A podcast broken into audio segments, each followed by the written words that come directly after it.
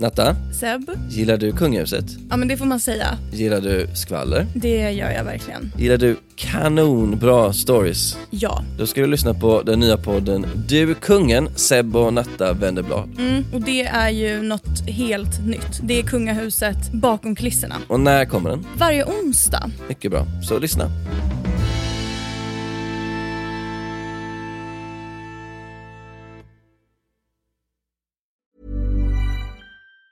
Say hello to a new era of mental health care. Cerebral is here to help you achieve your mental wellness goals with professional therapy and medication management support. 100% online. You'll experience the all new Cerebral Way, an innovative approach to mental wellness designed around you. You'll get a personalized treatment plan from a therapist, prescriber, or both in a safe and judgment free space. Your cerebral therapist or prescriber will outline a customized plan with clear milestones along the way so you can get to feeling your best. With Cerebral, you're not alone in your mental health journey. We're here to empower you to live a fulfilling life. So take that first step towards a brighter future and sign up today at cerebral.com slash podcast and use code ACAST to get 15% off your first month. Offer only valid on monthly plans. Other exclusions may apply. Offer ends July 31st, 2024. See site for details.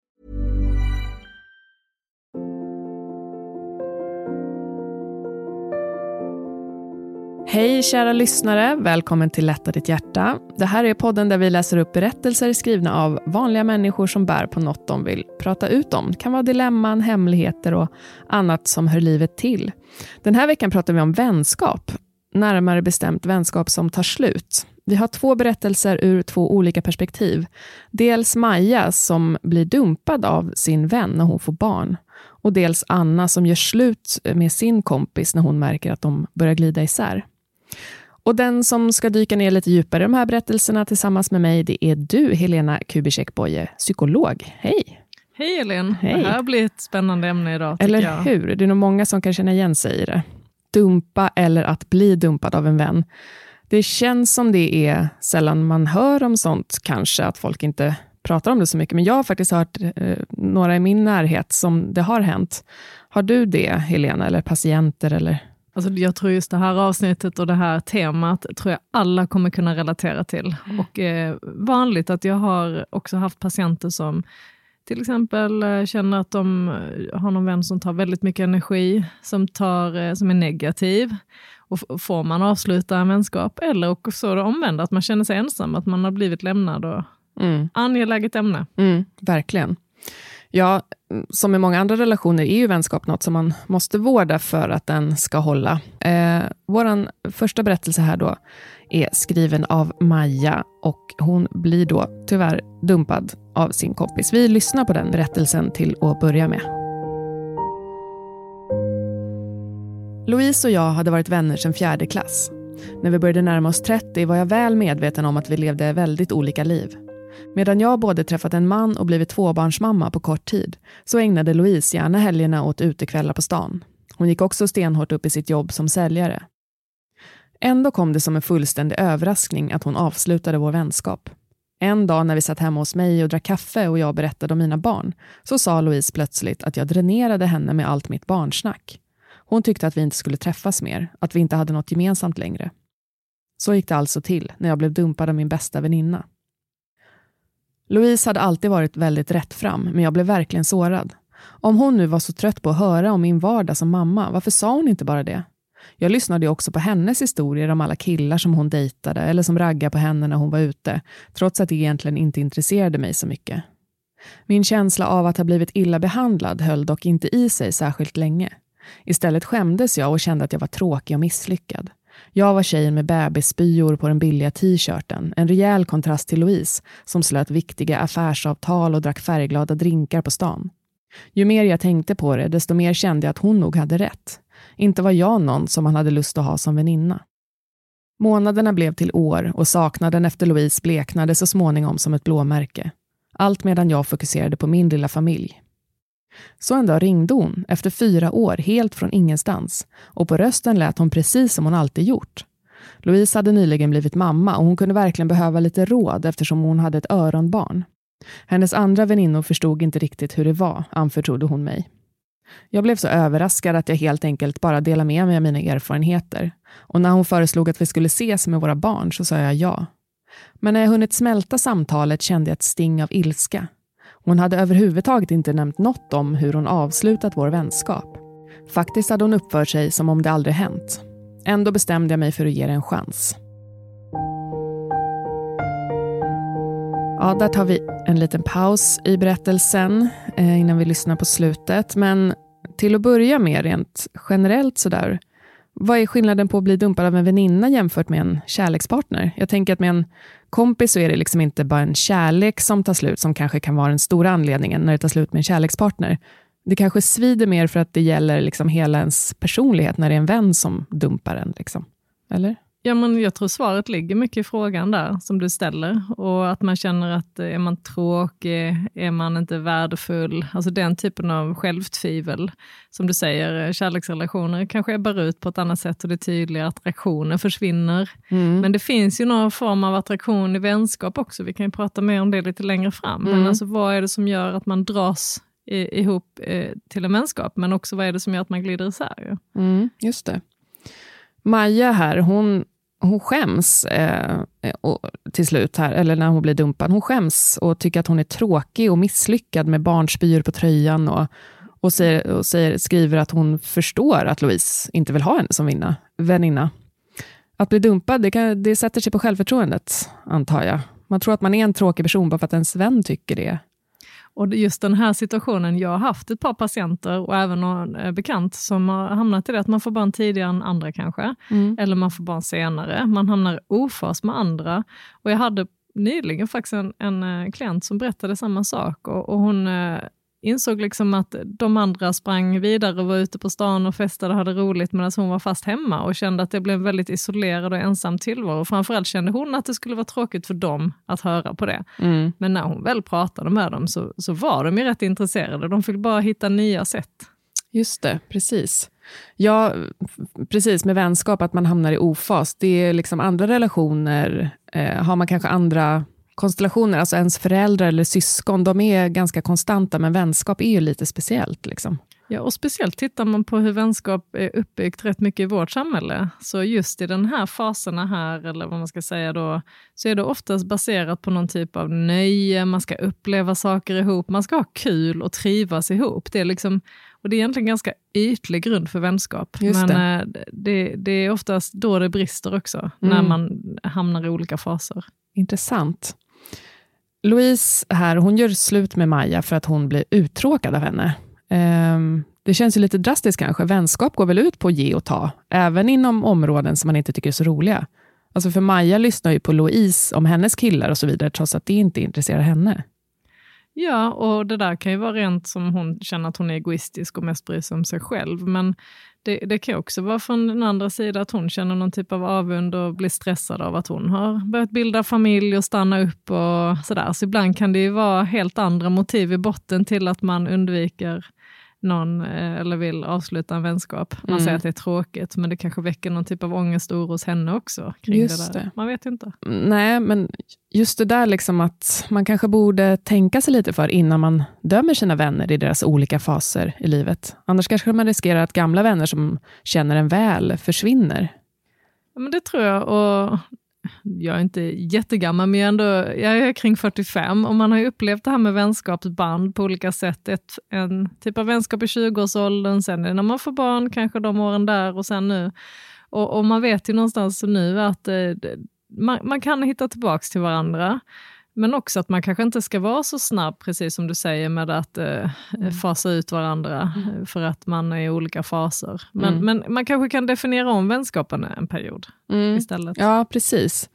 Jag tänker det. Hade Louise kunnat säga typ, just nu är vi i lite olika faser i livet, vi kanske ska ta en paus Ja, alltså det finns ju rekommendationer, så här, vi kan prata i slutet hur man kan avsluta en vänskap. Och här är det ett lite mjukare sätt att man tänker att vi tar en paus och mm. så fokuserar du på ditt och jag på mitt, så, så hörs vi lite längre fram. Och det, mm.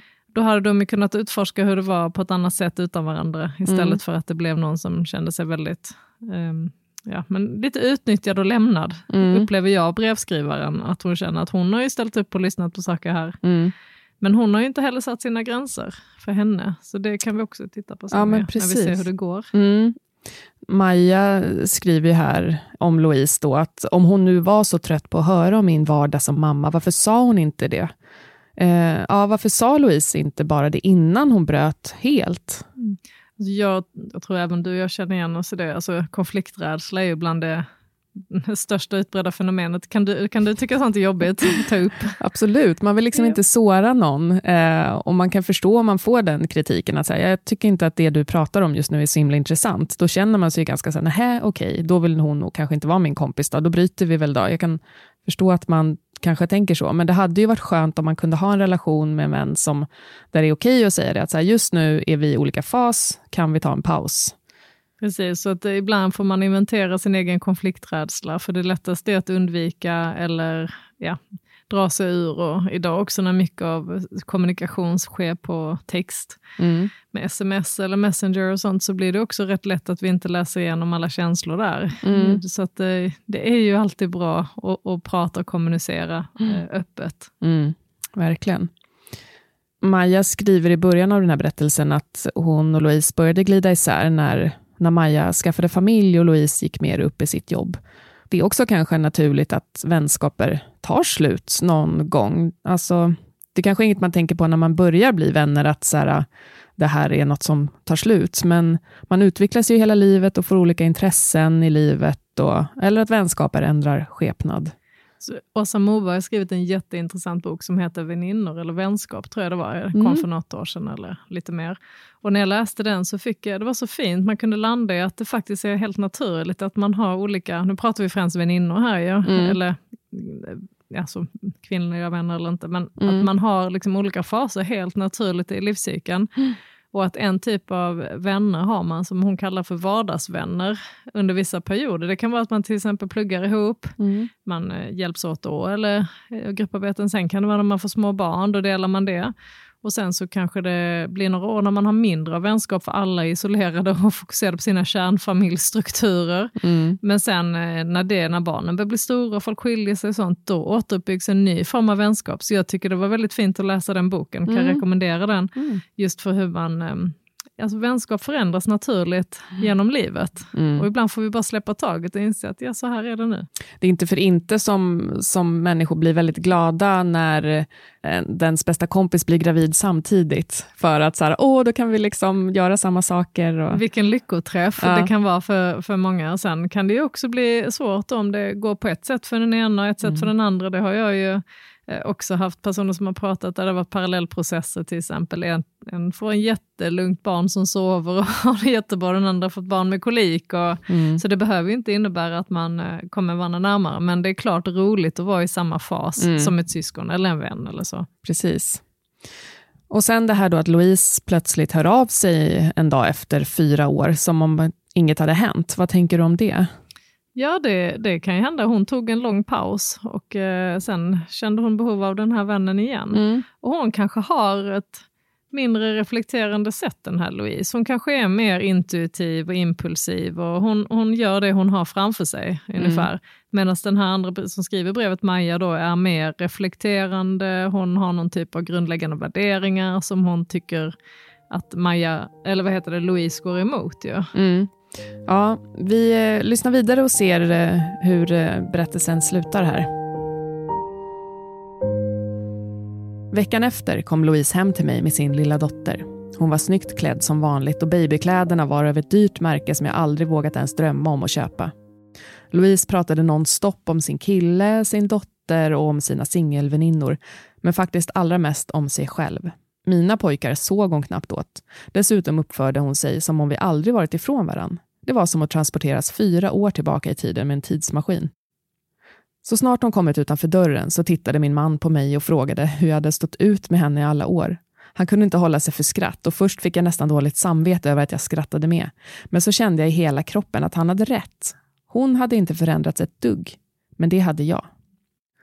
I åratal hade jag varit den lilla grå musen som bara följt i Louise fotspår. Hon hade alltid framstått som så snygg och självsäker och det hade känts som om jag också blivit lite snyggare och mer självsäker i hennes närhet.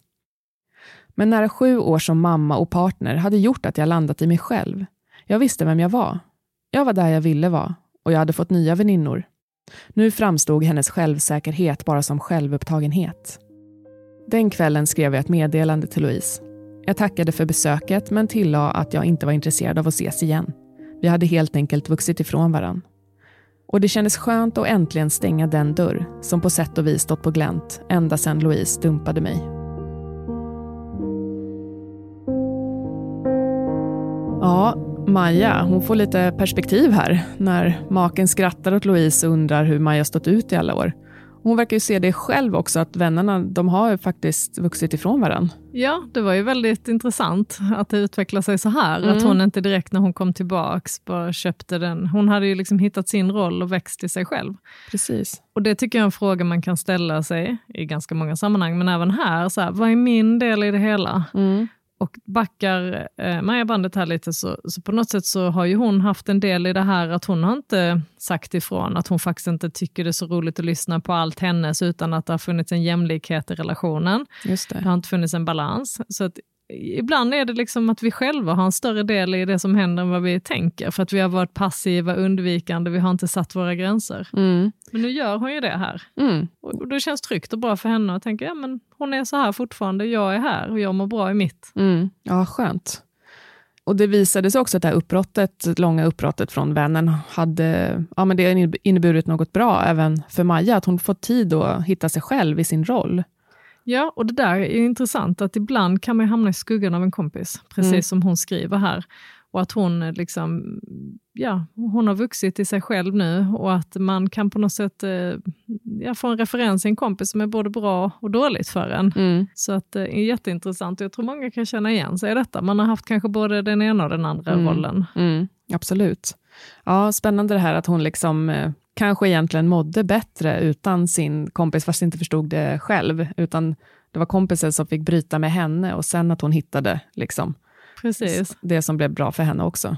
Mm. Själv när jag, när jag fick barn så hade jag en väninna och det var ungefär liknande situation. Mhm. Och då kom jag ihåg att hon festade och hade roligt och så och jag hade fått barn tidigare. Och då så skojade hon med mig så sa hon så, den där barnvagnen du, du har köpt den kostar lika mycket som min handväska jag har köpt men jag kan ha min i 10-20 år och du kommer ha barnvagnen i ett år. Ja, just Så det. skrattade vi lite, vi hade en rätt rolig dialog. Men Ja. sen några år senare fick hon barn Mm. och eh, plötsligt så var det en helt annan ton från hennes sida och hon förstod hur utmattande och tröttande det var och man Mm. orkade inte lyssna på någon som pratar om sina väskor. Då. Så vi skrattade åt det sen också. Så Ja. så här, minns du Sofia när du, nu sa jag hennes namn här, vi kan skoja om. Men, Ja. men, att det, det, men vi hittade ju varandra sen när hon Ja. hade fått barn också. Men under den perioden när vi var i olika faser så ja, Ja. då fanns det, då fick man pausa helt enkelt. Ja, men det är ju skönt om man kan se det så, liksom, att nu lever vi olika liv och det behöver inte innebära slutet på den här vänskapen. Nej, och det är nog för att vi delade det som vi kan prata om sen, men någon sorts djupare tanke omkring vad vänskap eh, kan vila på. Liksom. Att det Mm. vilade inte bara på de här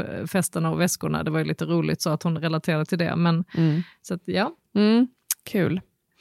Ja, vi tar en till läsarberättelse från Anna. Och här är det hon som gör slut med en väninna efter hela 30 år. Vi lyssnar på den. I över tre decennier har vi varit som systrar. Lina och jag har känt varandra ända sedan barndomen. Vi växte upp i samma stad och gick i samma skola. Genom åren har vi delat så mycket. De tidigaste barndomsminnena, samtalen om våra första kärlekar och fantastiska resor. När vi båda bildade familj var det självklart att träffas regelbundet tillsammans med våra män och barn. Vi har varit på varandras bröllop och våra barns dop och vi har stöttat och hjälpt varandra i svåra situationer. Ja, vi har alltid funnits där för varandra. Och känslan har alltid varit att om allt annat går åt pipsvängen i våra liv så har vi ändå varandra. Jag minns mycket väl när jag märkte den första förändringen. Det var när Lina började få framgång med det nätföretag som hon startat tillsammans med en väninna i Danmark, där Lina bor med sin familj. All hennes tid och energi riktades mot företaget och allt eftersom tiden gick verkade hon mer och mer uppslukad av sig och sitt. Det var som om hon inte längre hade plats för något annat i sitt liv än för företaget och sin egen familj. Och när vi pratade märkte jag att hon bara lyssnade med ett halvt öra. Hon var så upptagen med företaget att ett sedan länge inplanerat besök hos mig måste skjutas upp på obestämd tid. Även om jag mycket väl förstod att hon hade mycket att stå i blev jag ändå sårad över att ständigt vara den som blev bortprioriterad. Hon svarade knappt på mina mejl längre och det gick allt längre tid mellan våra tidigare så täta telefonsamtal. Jag hoppades ändå att det bara var en fas vi skulle ta oss igenom. Varje gång vi pratades vid så avslutade hon ju alltid med att nu skulle hon nog hitta ett datum för ett besök. Men till min besvikelse var det tomma ord och hon fick aldrig tummarna loss. När jag sedan av en händelse fick veta att Lina faktiskt varit i Sverige flera gånger och hälsat på familj i närheten av där jag bor blev jag helt paff. Det var inte alls likt henne att dölja sina besök i Sverige för mig. Varför hade hon inte avsatt tid för att träffa mig? Vad hade jag gjort som fick henne att välja bort mig? Jag hade verkligen ingen aning. Och kanske borde jag konfronterat henne istället för att dra mig undan. Men jag var så arg, sårad, ledsen och besviken att jag under en tid bara valde att ligga lågt. Innerst inne hoppades jag att min tystnad skulle få Lina att inse att hon saknade mig lika mycket som jag saknade henne. Och det fick faktiskt önskad effekt. Efter ett halvår kom Lina tillbaka och bad om ursäkt för att hon inte hade haft tid med mig. Men nu skulle det bli annorlunda, lovade hon, och då väcktes mitt hopp om att vi skulle kunna hitta tillbaka till det vi varit för varann. Besvikelsen blev därför ännu större när jag förgäves försökte få till ett besök och det återigen visade sig att det var ord utan intentioner. Samtidigt kunde jag följa på Facebook hur mycket tid och energi som Lina la på att uppdatera och svara på allt möjligt på sin företagsprofil. Däremot kommenterade hon sällan mina statusuppdateringar eller korta hälsningar till henne. Så fortsatte det i månader, samtidigt som jag fylldes av en djup känsla av bitterhet varje gång jag kollade våra profiler på Facebook. Här fick jag svart på vitt över hur lite hon prioriterade mig.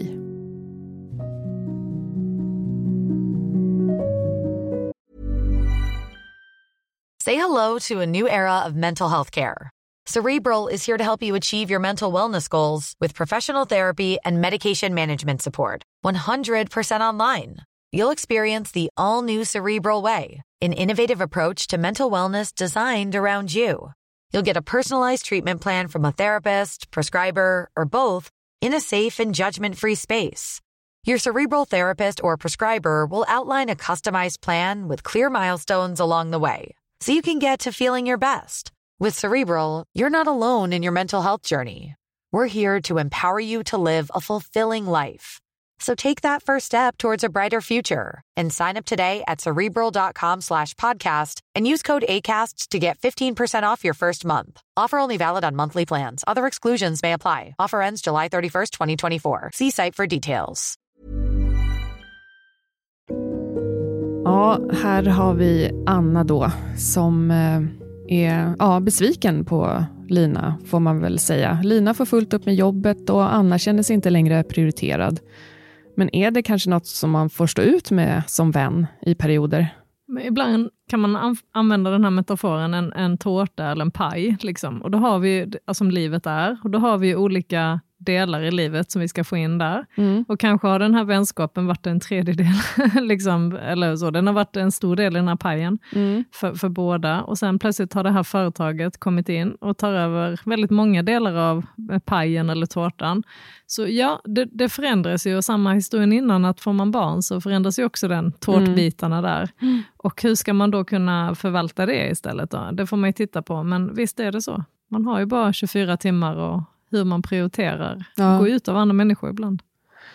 Men även om man skaffar familj eller ett jobb som tar mycket tid här, som Lina gör här, eh, hur gör man för att hålla vänskapen vid liv? Hur kunde Lina göra?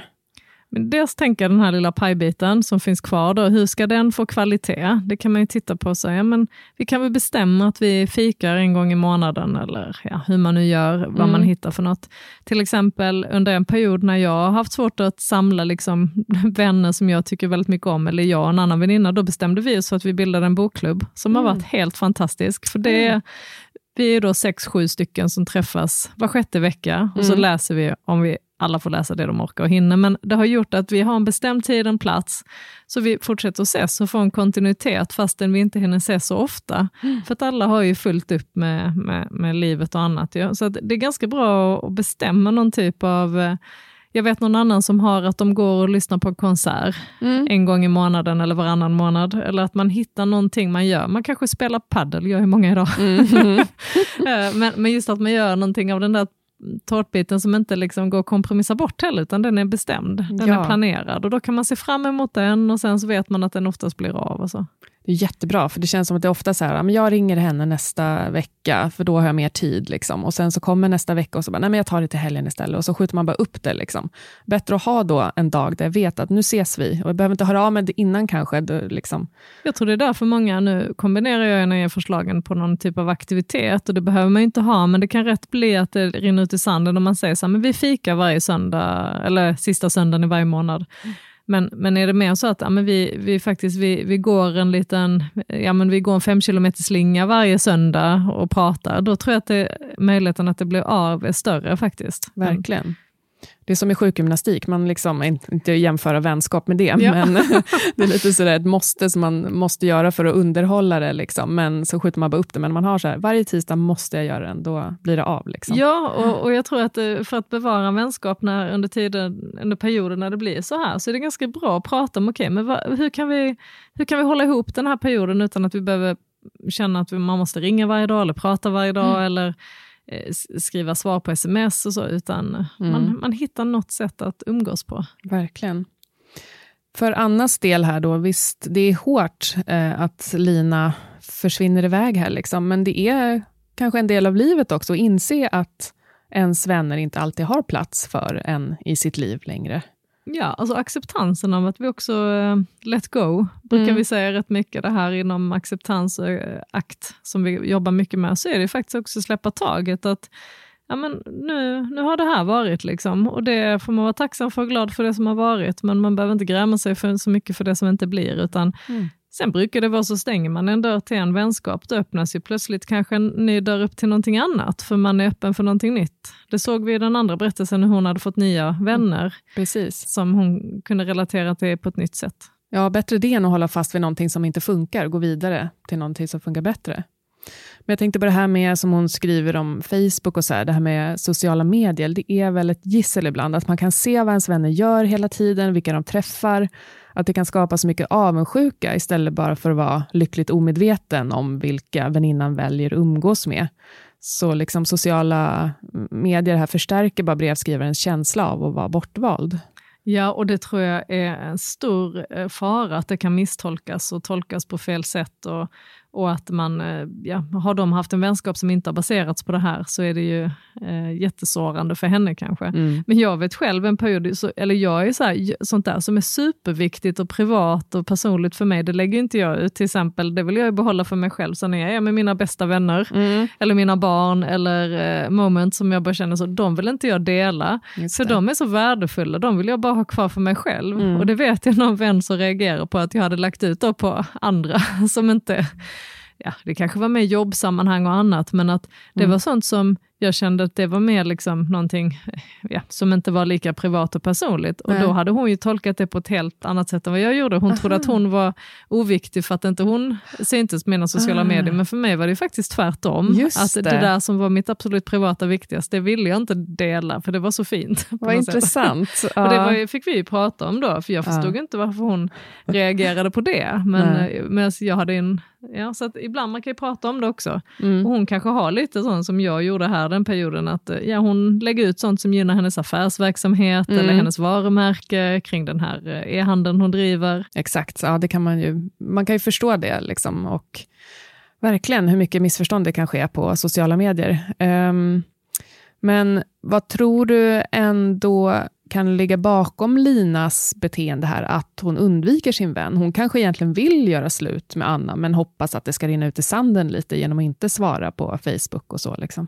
Ja, det kan man ju inte veta. Det kan ju vara så också. Eller så tar hon, hon är helt inne i sitt nya och tänker inte så mycket på det andra, utan tänker det, hon finns ju där ändå. Mm. Hon kanske ser att ja, men vi har den här fasen nu, jag jobbar mycket. Mm. Och, den, och där tänker jag så här, man har olika behov.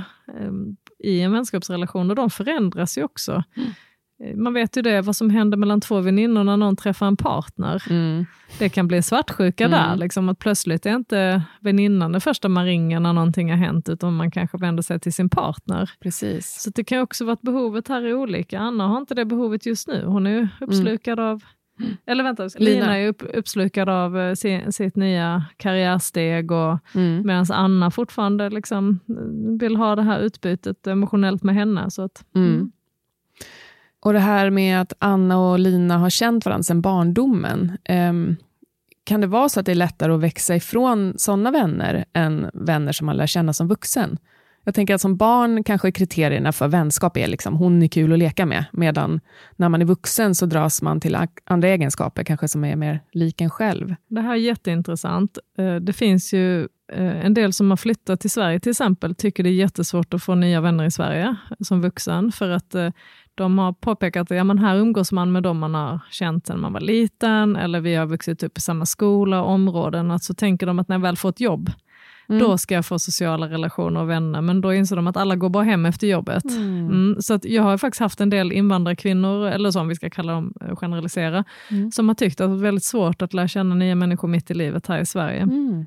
Så att vi kanske har lite omedvetna mönster, att vi håller kvar vid det här gamla, fastän det är inte alltid det som är kanske det den mest kvalitativa vänskapen för oss, men det, det, det finns sådana tydliga mm. eh, mönster faktiskt. Man håller fast vid varandra kanske för att det är tryggt, man känner varandra så himla bra, liksom. men man kanske inte är så lika, man kanske bråkar Nej. hela tiden, men man ändå... Ja, egentligen kan det vara mycket som du ställer frågan här, att man har eh, egentligen vuxit upp och vuxit ifrån varandra, men man håller kvar det för att man måste, eller att man ska. Det finns en kulturell förväntan på det också. Mm man, man bryter inte med en barndomsvän. Nej. Samtidigt så finns det också en form av trygghet i den här typen av vänskap. Mm. Att eh, det, det, är någon som man har känt och följt hela livet. Mm. Min, mina barns farmor är 92 mm. och hon, hon, var så ledsen häromdagen för hon sa nu hade den sista av hennes barndomsvänner dött. Eh, och eh, någonstans, de kan ju ens livshistoria. Du, de kan relatera till dina föräldrar, dina syskon, hur ni växte upp. Så Det finns någonting i den typen av vänskap som inte är så bundet tror jag, av det som händer här och nu. Eh, om man har bytt jobb eller inte. Sådär. Jag tror några av mina närmsta vänner, de vet knappt vad jag håller på med med jobb och sådär. Nej, nej. För det är sånt som bara förändras hela tiden. Medan de vet mycket mer om hur jag mår i relation till min familj eller barnen. och mm, mm. sådär. Mm. Så att, eh, det är fint att man kan ha olika typer av vänskap. Ja. Mm, verkligen. Vi tar och lyssnar på slutet av berättelsen här och ser vad som händer. Så kom den dagen då jag bestämde mig för att nu måste det bli ett slut på detta självplågeri. Jag tog ett djupt andetag och tog bort Lina som vän på Facebook. Det var bara några enkla klick med musen, men för mig var det en stor symbolisk handling. Till slut hade jag uppringat styrkan att säga stopp och sätta punkt för ett stort kapitel i mitt liv. Oavsett om Lina velat det eller inte så hade hon valt bort vår vänskap och jag måste sluta spekulera kring varför och helt enkelt bara acceptera att det är så det är. Jag har varit igenom hela känsloregistret under de senaste åren, ända sedan det började gå ut för med vår vänskap. Jag har känt mig sårad, avvisad, fyllts av ilska, bitterhet och blivit djupt besviken. Med så mycket gemensam historia som vi har är det väldigt smärtsamt att släppa taget och inte i min vildaste fantasi hade jag trott att jag skulle mista Lina som vän. Den tanken hade helt enkelt aldrig slagit mig och det var också därför jag in i det längsta hoppades att vi skulle hitta tillbaka till varann och den vänskap vi haft. Men så blev det inte. Även om jag är ledsen över att ha mist min kära vän så har jag faktiskt också fått energi i känslan av att äntligen släppa taget.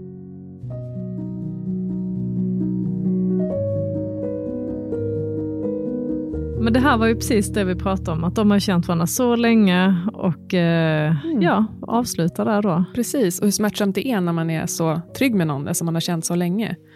Ja, men Anna hon tar bort Lina från sin vänlista på Facebook. Eh, visst, det är ju tydligt liksom vad hon vill med det, men det kanske inte är så pedagogiskt, eller vad man ska säga. Är det en feg väg ut, tycker du? Hon frågar ju aldrig Lina liksom vad som ligger bakom hennes undvikande beteende. Nej, och det här nämnde vi innan, konflikträdslan. Mm. Alltså man är rädd lite att prata om de svåra sakerna och tänker att hon fasar ut sig bara lite. Och sen, eh, sen kan det leda till nya missförstånd, att jaha, varför tog du bort mig och vill inte ha mig? Och den diskussionen mm. hör man ju rätt mycket hos yngre idag, ah. där det är mycket att adda eller inte adda någon på sin eh, Snap eller Instagram och nu man avföljer någon och sen följer man den igen. Mm. Så det där har ju blivit någon typ av eh, sätt att visa om man är vän eller inte idag för yngre generationer. Mm. Men, men jag tänker att ja, som, när du och jag läser det så här så känns det som att det hade varit bättre om det hade gjorts på ett annat sätt, mm. där de båda kunde få en förståelse för situationen. Ja, men eller hur? Pratat om det helt enkelt. Men Anna skriver också här att hon är, hon är ledsen över att ha mist en vän, men att hon faktiskt får energi i känslan av att släppa taget. Hur viktigt är det där för ens välmående att göra ett riktigt avslut? Generellt så brukar vi prata att det är jättebra att göra avslut. Mm. För att eh, dels så vet vi aldrig vad som händer längre fram. Man kanske stöter på den här personen och då blir det jättejobbigt om man inte har rundat av eller avslutat på ett respektfullt sätt. Mm. Sen så eh, generellt så pratar vi alltid om att eh, avslut eh, om någon går bort eller eh, att eh, ja, man slutar på jobbet och så. Det är viktigt med de här avsluten, Mm. för annars hänger det kvar. Risken är att vi börjar älta, grubbla, tänk om, tänk om jag hade sagt, eh, tänk om jag hade gjort så här. Mm. Frågan är om det här är ett riktigt avslut. Hon tar bort eh, eh, Lina från Facebook, men, men det känns liksom inte... Det känns som att för att få ett riktigt avslut så vill man ju veta liksom, varför undviker du mig? Ja, jag tror att, eh, nu vet vi inte hur lång tid det har gått här sedan eh, hon skrev läsarbrev till oss, men eh, när man tar ett beslut och, och tar bort någonting i livet som känns väldigt jobbigt, då har vi sett att då får man en dopaminfrigörelse, man känner ett glädjerus, en energi, man tagit ett beslut, jag ska säga upp mig eller Mm. jag ska eh, avsluta det här eller göra det här. Sen, eh, så det, det får vi en positiv fysisk effekt på ofta. Så hon Mm. beskriver det här, en liten energikick och lyckorus, känner Mm. sig lättad. Men sen ibland kan det följas av en period av tomhet när man inser att oj, vänta, nu Mm. har jag bytt jobb här, eller ska Mm. jag inte vara kvar där, eller ska inte hon finnas i mitt liv? Så vi vet inte riktigt var hon befinner sig i det här. Nej. Men det finns ju, liksom, om man ska titta på att göra ett, ett avslut som är bra, Mm, ja, precis. Du hade något tips där på hur man kan avsluta en vänskap. och då tänker jag det kan vara två ord man kan verkligen tänka på, så här, respekt och medkänsla. Att någonstans tänka sig in i, alltså respektera varandra och ha medkänsla för den andra, oavsett vad som har hänt. Så om jag skulle råda dig då, om du känner att eh, jag har en, en väninna här, eller en vän jag har väldigt svår eh, relation till, Mm. så skulle jag liksom, kanske inte säga så, "Ja, men eh, avfölj på Facebook och Nej. undvik när hon svarar och ring inte tillbaka. Utan, eh, kanske så här, men kontakta den här personen och säg att du skulle vilja prata om, om er vänskap. Mm. Och, och då får också personen lite tid att eh, tänka efter själv. Mm. Så kanske ni bestämmer, och det känns ju jobbigt så, ska vi gå Mm. och prata om det här då, men ja, men jag gör det. Mm. Så kanske ni bestämmer, kan vi ta en promenad imorgon? Alltid bra, walk and talk, och Mm. prata Mm. och prata lite om. Och då är det viktigt att på något sätt få fram vad relationen får dig att känna. Mm. Men också lyfta fram det som är positivt. Att du tycker kanske väldigt mycket om den här vännen, alltså att det finns något positivt i vänskapen. Men att just nu så har du insett att det negativa väger över. Mm. Och att du känner dig kanske inte sedd eller viktig eller eh, prioriterad eller vad det nu kan vara. Mm. Så först kontakta, sen bestäm och så träffar du så berättar du vad du känner. Mm. Och, och sen också ge den här personen också en chans att prata. Mm. Och Det tror jag kan vara bland det viktigaste. Just det. Och säga, hur, hur känner du när jag säger det här? Och, och då kanske personen säger, ja, har inte alls tänkt på det så. Jag har haft fullt upp med mitt företag i Köpenhamn, jag är helt eh, invaderad av det. Jag tänker att du finns ju alltid där. Mm, precis. Ja, men det gör jag inte, för jag vill inte ha det så här. Nej. Okej. Eller så tänker man, nej men du har nog rätt. Vi har nog vuxit ifrån varandra. Ja. Så det här att på något sätt göra en, em, ett, ett avslut där vi båda lyssnar in varandra och, och så kan man lyfta både det positiva och negativa men säga att det negativa överväger för mig just nu. Mm. Så jag mår dåligt kanske när vi har träffats eller när vi pratar och, och så, så vill inte jag känna.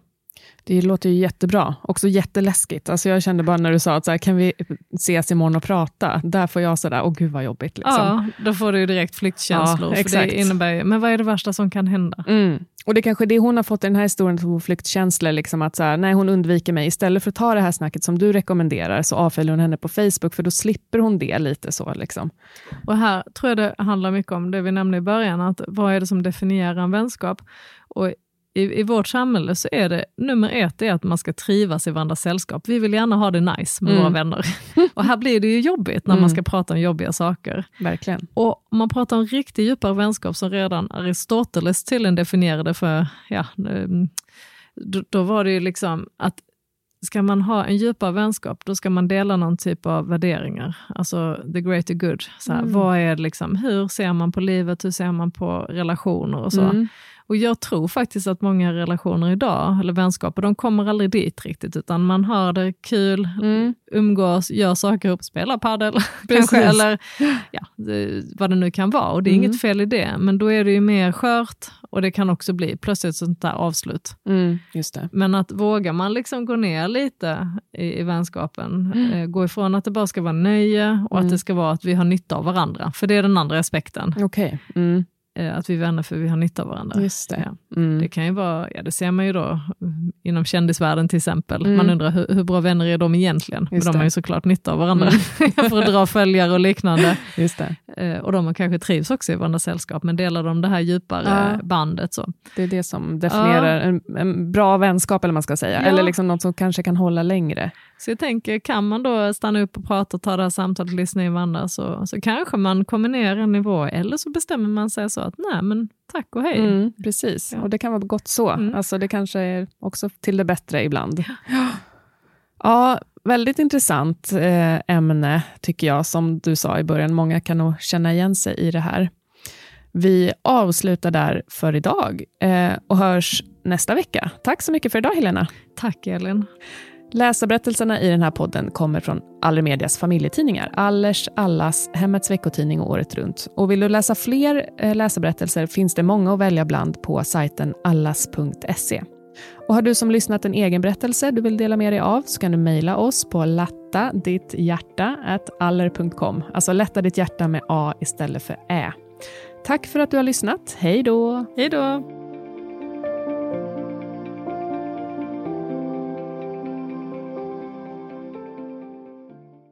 En podd från Allermedia.